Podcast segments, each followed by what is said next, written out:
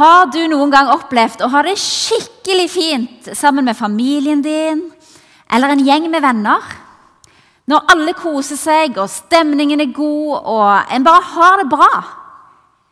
Latter og glede og god humor. Det er en god følelse. Er du enig i det? Så har du kanskje òg erfart følelsen av å ikke høre til. Av å være utafor, ikke ha noen å være med. Og den følelsen, den er ikke god. Det tror jeg de fleste av oss kan være enig i. Vi mennesker vi ble skapt til fellesskap. Og Vi ble skapt sånn at vi trives best sammen med andre mennesker. Og Familie og venner det er noe de aller, aller fleste ønsker. Og Gud han er eksempelet på skikkelig bra fellesskap. Eh, han er en treenig Gud, så han lever i det denne konstante, enhetlige fellesskapet med Sønnen Jesus Kristus og Den hellige ånd. Og Gud han er den som har skapt av eh, alt. Og Jesus han ble sendt til jord for å vise oss mennesker hvem Gud er. Det var Gud som menneske på jorda. Det er Jesus. Og så sendte Jesus Den hellige ånd for å ta bolig i oss mennesker og for å peke på Jesus. Så det er Den hellige ånd som gjør oss oppmerksomme på hvem Jesus er. Så det denne fellesskapet mellom de tre, det er det optimale form for fellesskap. Og når Gud skapte verden, så står disse to tingene i første Mosebok, kapittel 1 og 2. Det første er at Gud sier 'la oss skape mennesker i vårt bilde'. Altså, Gud er ikke én, Gud er tre. Han er en treenighet. Så Gud er på en måte det optimale bildet på fellesskap. Så han sa vi skal skape mennesker i vårt bilde så de ligner på oss. Og så står det òg at når Gud hadde skapt mennesket, så sier han ah, det er ikke godt for mennesket å være alene. Så han skaper to mennesker, en mann og en kvinne, som skal bli til flere som føder barn. Lage og føde barn. Og det som er greia, er at du ligner på Gud. Du ligner på Han som har skapt deg.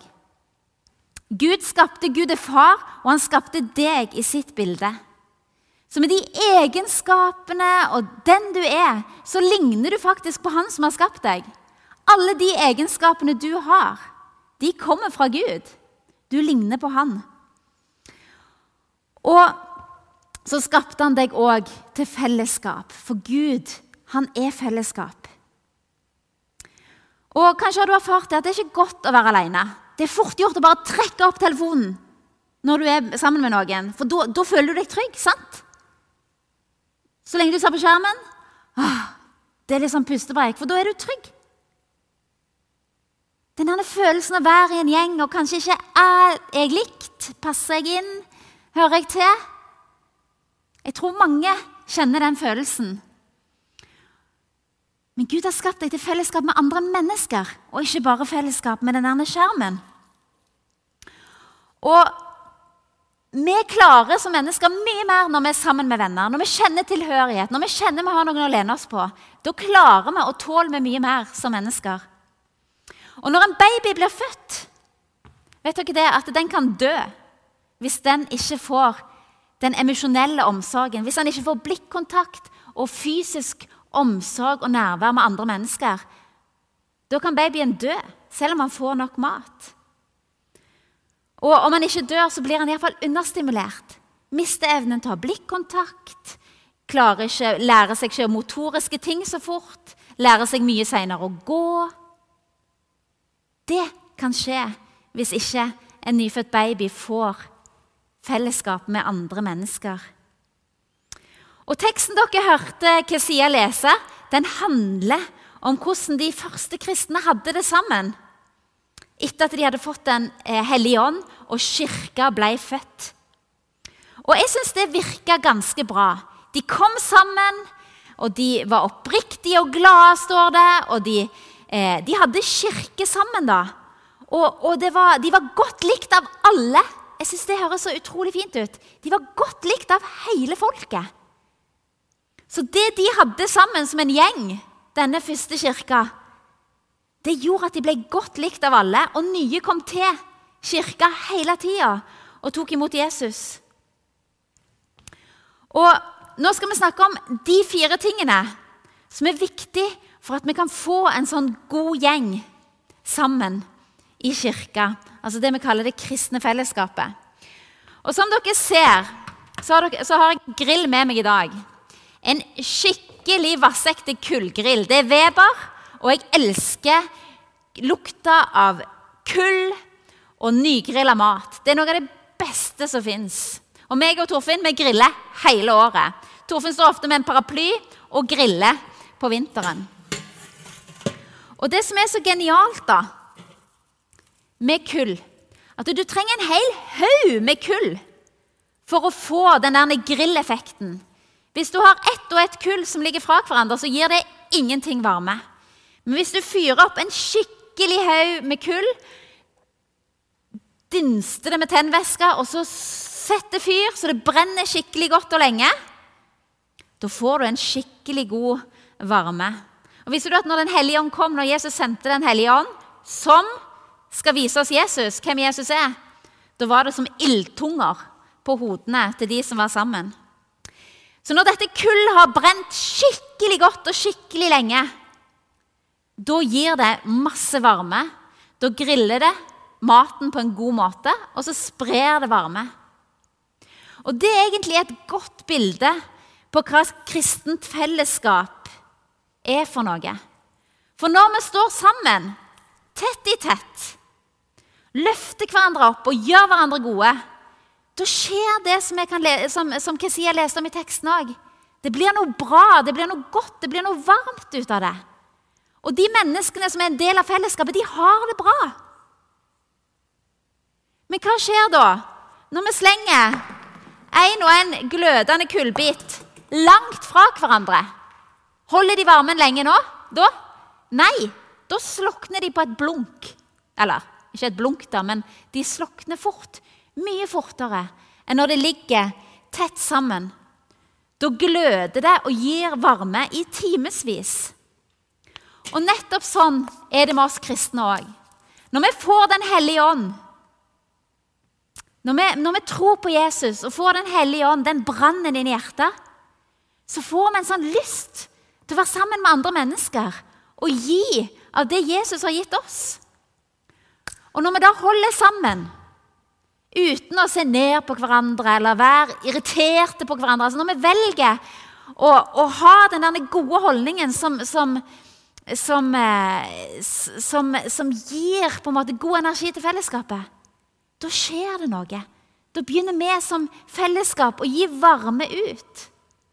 Og Visste dere at denne kirka her, som vi har her i Skårdalen, den kunne vi bygge fordi det var et så sykt bra ungdomsarbeid for mange mange år siden. Det var et utrolig bra ungdomsfellesskap. Og så var det ei ung kvinne som ikke hadde det så greit. Hun ble en del av dette fellesskapet.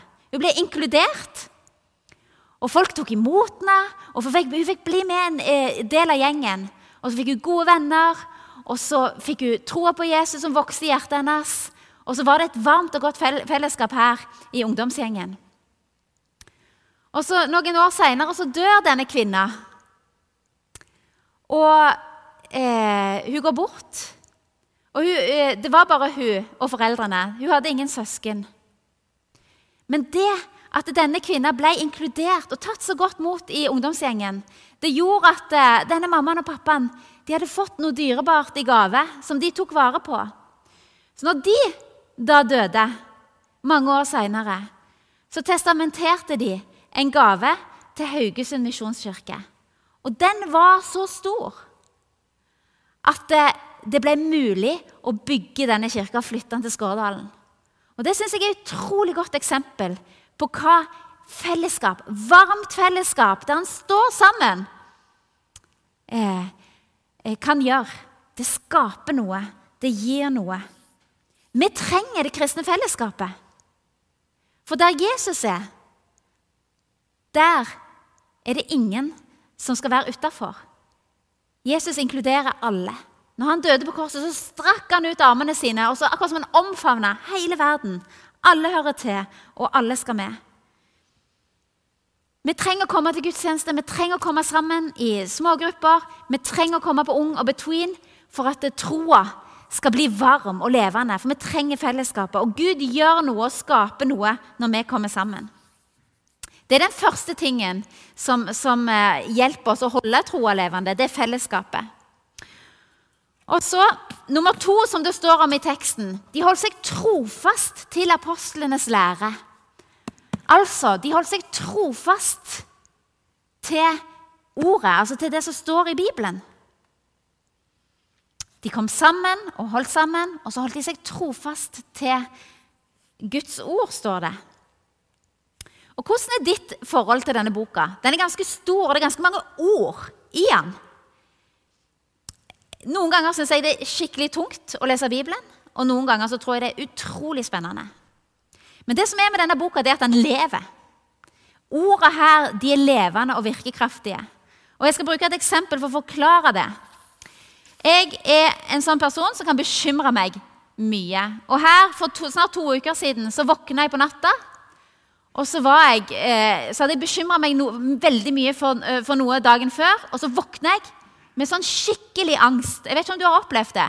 Men det, når, du, når, du, bare er skikkelig redd, og du klarer ikke å fokusere på noe annet. Og jeg kjente at det stresset steg, og så sier jeg til Jesus Å, kjære Gud, nå må du gi meg et ord. Jeg, dette er jeg så utrolig sliten av, denne frykten min. Kan du være så snill å gi meg et ord? Og vet du hva som skjer? Plutselig så kommer salmen opp. Og Da er det mørkt, så jeg tar opp telefonen min og så går jeg inn på bibelen.no og så trykker jeg salmene. Ja, men hva salme da? Det er jo mange, mange, mange salmer. 31. Ah, hva står der, tenker jeg. Og Så trykker jeg inn på salme 31. Og vet dere hva som står der? Det første som møter meg, det er disse ordene her. Herre, jeg søker tilflukt hos deg. Fri meg ut i din rettferdighet. Vend øret til meg, skynd deg og redd meg. Vær meg et vern, en klippe, en borg til frelse. Fri meg fra garnet de har spent ut for meg, for du er min tilflukt. Og så Når jeg leser denne salmen, så kjenner jeg bare at freden senker seg, og så forsvinner den der frykten jeg kjente på over det jeg bekymrer meg over. Så sånn lever ordet. Det virker kraftig.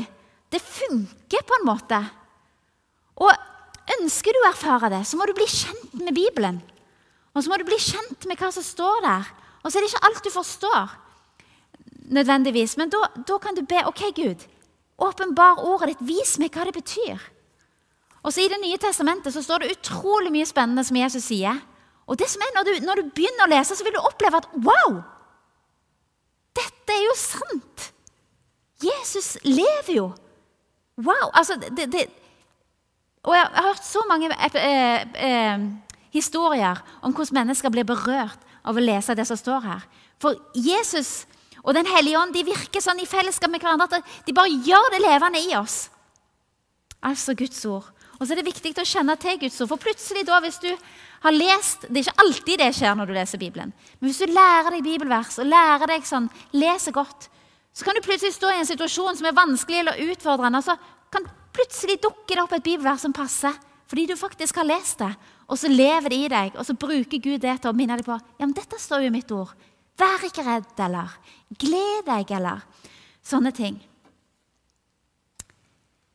Så står det at eh, de første kristne de ba sammen. De ba. De kom sammen og ba skikkelig mye. Og dette med bønn Vi hørte hva Sia Martine leste noen bibelvers om bønn.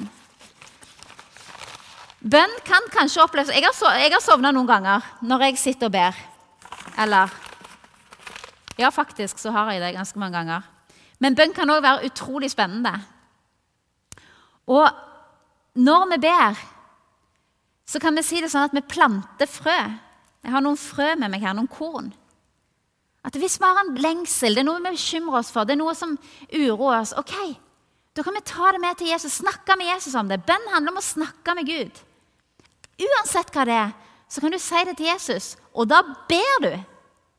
Og Er det noe du lengter etter, eller er det noe du bekymrer deg for, så kan du plante et frø. Og det som er så kult med sånne frø, det er at det kan føles så tomt Oi. Så tomt og dødt, egentlig. Det, det er hardt. Tilsynelatende uten liv. Men hvis du planter det i jorda så heller vann over, så begynner det å vokse. Og noen frø blir gedigne. De blir som et digert tre. Og noen blir som en vakker blomst.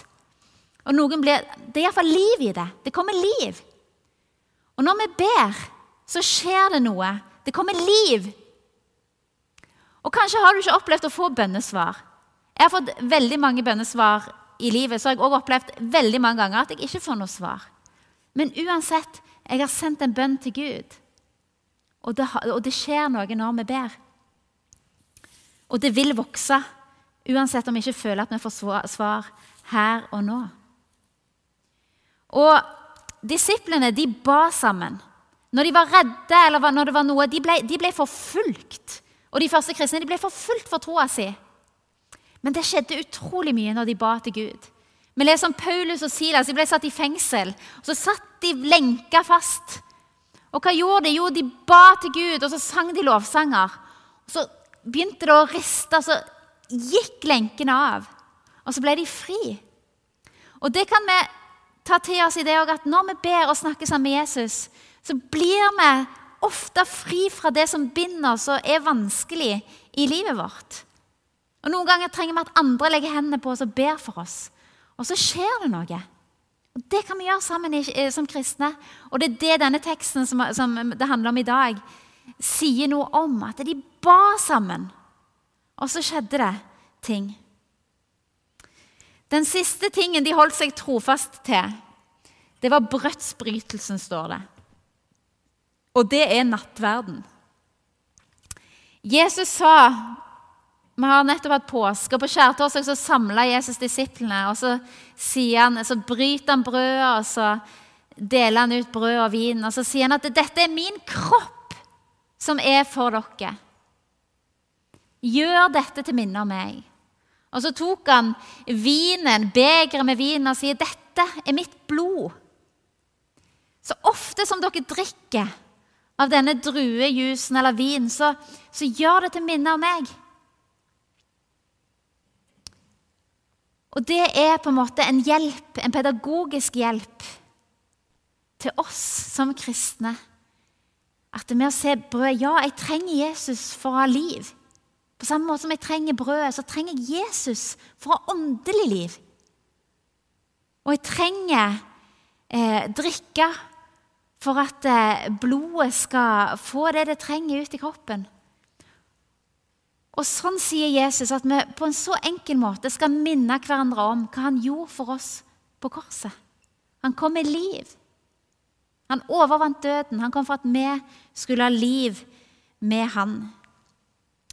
Så disse fire tingene det er det vi eh, Når jeg var konfirmant, så lærte vi om de fire b-ene. Eh, brorskapet, altså fellesskapet. Bibelen, apostlenes lære, bønnen og brødsbrytelsen. De fire tingene hørte med til fellesskapet, og sånn ble det skikkelig varmt imellom de, og Jesus skapte noe. Og De tingene, de fire tingene jeg har snakket om nå, det er de viktigste tingene for troa vår. At vi som kristne er sammen, som søstre og brødre. At vi blir kjent med Guds ord, for det lever faktisk. Men hvis vi ikke blir kjent med det, så oppdager vi ikke hvor levende det er. At vi ber sammen, snakker med Gud, har en personlig relasjon til Han. Og deler nattverd. Og jeg savner sånn å ha gudstjeneste sammen og dele nattverd. Men det kan vi òg gjøre hjemme med hverandre. Lese teksten og dele brød og druejus. Jeg har lyst til å utfordre deg til slutt. Hvordan kan du være med og bidra til at vi får det sånn sammen her i kirka. Hvordan kan du være med og bidra? Trenger du kanskje å jobbe med hvordan du har det sammen med andre? Eller trenger du kanskje å bli litt mer kjent med det som står i denne boka, sånn at det kan bli levende for deg. Kanskje trenger du at noen ber for deg. At du sånn planter et frø som kan bli levende. Vi skal be sammen nå, og så kan du, få, jeg, eh, så kan du få lov til å spørre Jesus OK, Jesus. Hvordan kan jeg få være med til å bidra til at vi får et varmere fellesskap på Between og Ung, på gudstjenesten i kirka, i fellesskapet vårt? Vil du være med og be? Kjære Jesus. Jeg ber om at du skal vise den enkelte nå hva de trenger, Herre, for å få det bedre sammen som fellesskap i kirka, eller som fellesskap i familien, Herre, eller i vennegjengen. Herre, takk for at du er en levende Gud som virker med ditt ord. Jeg ber om at du skal berøre her og nå. Og peke på ting som kan gjøre troa mer levende, Herre. Det ber jeg om i ditt navn, Jesus. Amen.